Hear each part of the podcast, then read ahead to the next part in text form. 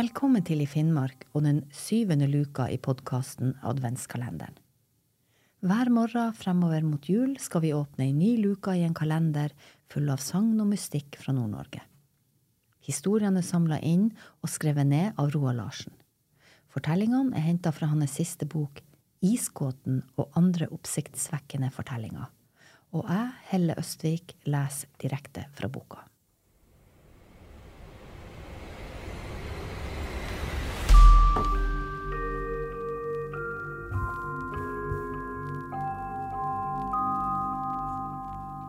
Vi åpner adventskalenderens syvende luke og med historien Det spøker på frisørhuset i Tromsø. I 2003 starta fem frisører i Tromsø sentrum en frisørsalong som fikk navnet Frisørhuset Tromsø. Det skulle ikke gå lenge før frisørene merka at det var noe mer enn bare dem i dette huset. Denne beretninga viser til merkelige hendelser som skjedde, i det, skjedde der i tidsrommet 2003 til 2009, og som igjen førte til store avisoppslag i samme periode. Dette huset er veldig gammelt. Før frisørene overtok bygningen, hadde den tidligere vært et bokollektiv for studenter, der flere personer bodde sammen og delte på leia. Da frisørene flytta inn, var det trolig første gangen et firma hadde starta opp i dette huset. Før andre verdenskrig var bygningen eksempel benytta som et bolighus. Da frisørene hadde vært der ei stund, hadde de merka hver for seg at det var noe rart som skjedde, uten at de nevnte noe til hverandre. Frisørene hadde salong i begge etasjene, men i andre etasje hadde de også pauserom. Noen ganger tok frisørene matpause samtidig. Når det skjedde, kunne de høre dersom det kom folk inn gjennom ytterdøra i første etasje. Det kom folk hele tida. Noen ganger var det mennesker av kjøtt og blod, andre ganger var det ikke det. En av frisørene sprang ned dersom de hørte at det var noen som kom. Når frisøren kom ned, skjedde det en del ganger at det ikke var noen der. I sånne sammenhenger hadde frisørene i forkant hørt lyden av stemmer fra første etasje. Man kunne tenke seg at siden frisørhuset lå i sentrum, var det normalt å høre stemmer. Men etter hvert begynte frisørene å ane uråd. Når frisørene observerte sånne avvik fra det regelmessige i lag, tok de til å dele historier. Den ene etter den andre begynte å fortelle om ubehagelighetene de hadde hatt. Det viste seg snart at flere hadde opplevd litt av det samme. De kom frem til at det i en del sammenhenger måtte være spøkelser som var på ferde, og ikke levende mennesker. Frisørene så seg nødt til å henge ei bjelle i døra, sånn at de kunne høre når det kom folk på ordentlig. Men når de hadde hengt opp bjella, fortsetta det fremdeles å komme inn folk uten at det ringte i den. Frisørene hørte folk komme inn, men bjella ga ikke lyd fra seg. Det var veldig spesielt å gjøre denne observasjonen. Det skjedde en god del merkelige hendelser som frisørene opplevde hver for seg. Her er noen av dem. En av frisørene, som het Heidi, skulle en gang jobbe i en påske. Hun bodde i Kroken, en bydel i Tromsø. Den ligger på fastlandssida av Tromsøysundet, ca. ni kilometer nord for Tromsø sentrum. Det var i dette tidsrommet færre bussavganger, så hun måtte dra tidligere til byen. Heidi kom frem en god stund før åpningstid, så hun låste ytterdøra da hun var kommet innafor. Hun satte seg ned på pauserommet og fikk lagd traktekaffe. Mens hun satt oppe og bladde i aviser og ventet på at hun skulle åpne, hørte hun at det var noen som sto nede i første etasje. hun ropte veldig høyt Hallo!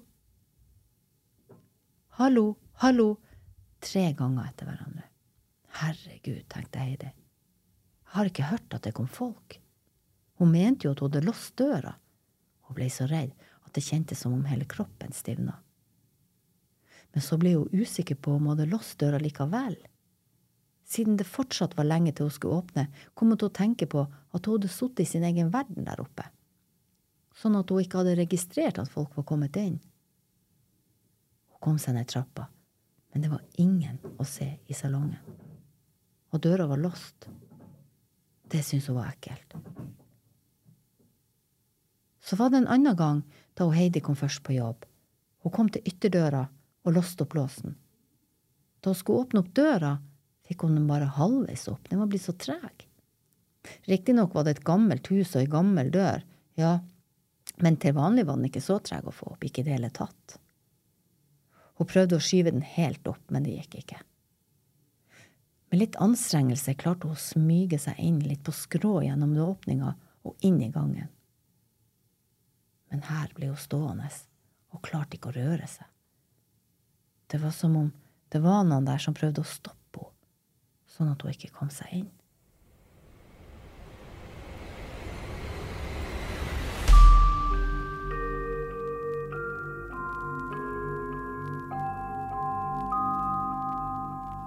Denne ubehagelige opplevelsen varte bare noen sekunder, så var det hele over. Nå kunne hun bevege seg fritt i gangen.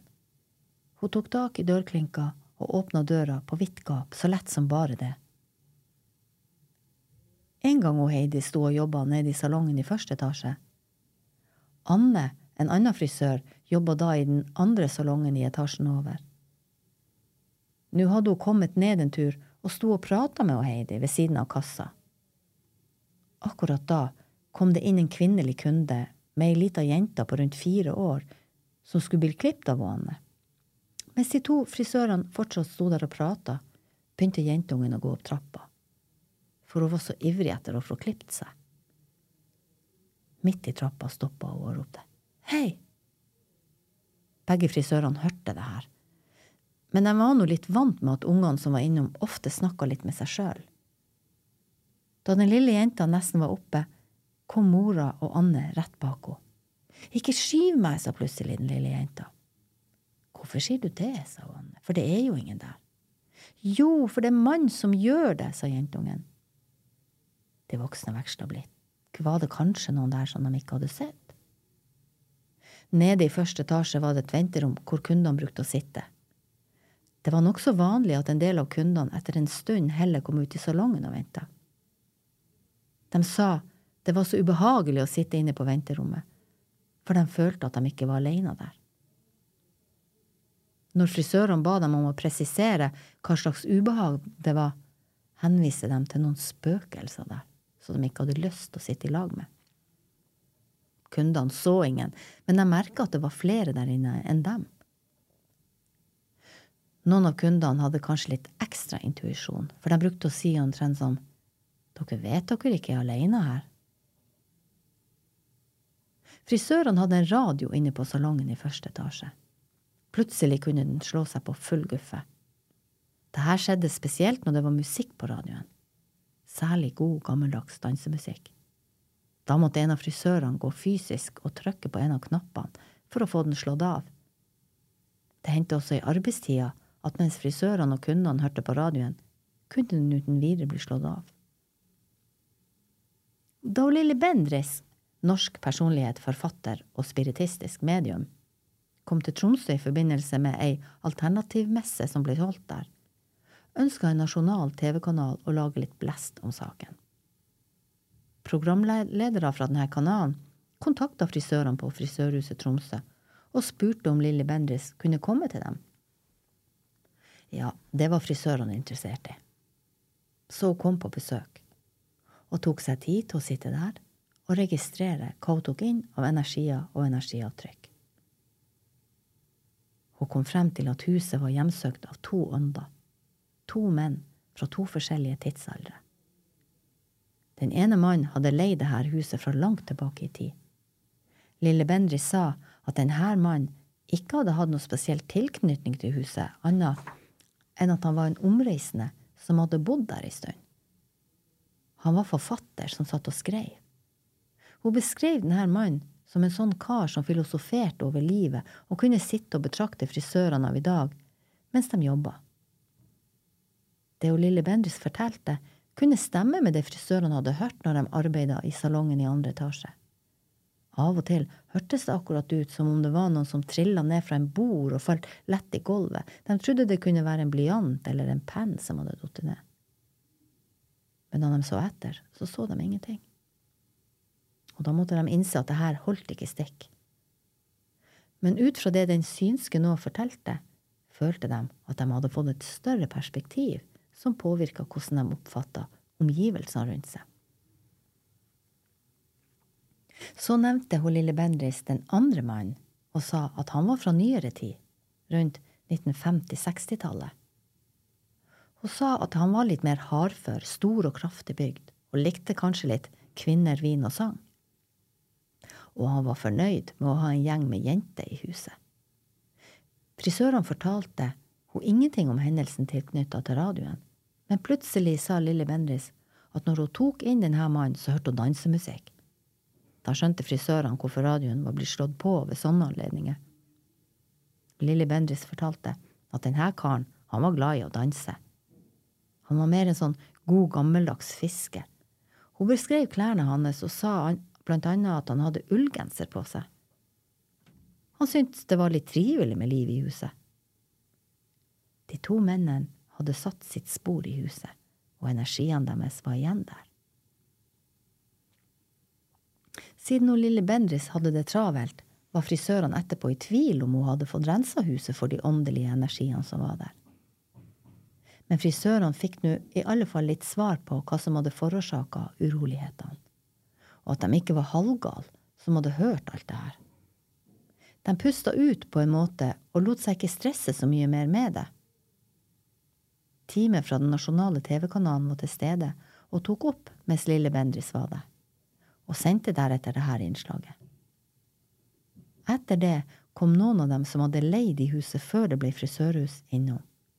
En av dem sa, Jeg er så glad for at dere har gått ut i media med det her. For nå tror ikke familien at jeg er gal lenger, siden jeg har fortalt dem om alt jeg har opplevd i dette huset. Det som ble uttrykt her, var i hovedsak nokså representativt for hva andre som stakk innom, hadde å si. De fem frisørene som hadde sin arbeidsplass i dette huset, har alle slutta der. Alle fem hørte og registrerte det samme. Men to av dem tok det ikke innover seg på samme måte som de tre andre. De to frisørene trodde ikke på sånt, og føysa det bare bort.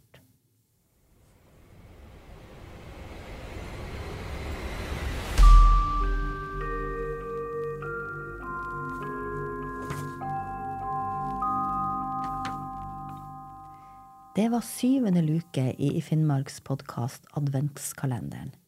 Mitt navn er Helle Østvik, og jeg har lest historien Det spøker på frisørhuset i Tromsø. Fra Roald Larsens siste bok Isgåten og andre oppsiktsvekkende historier.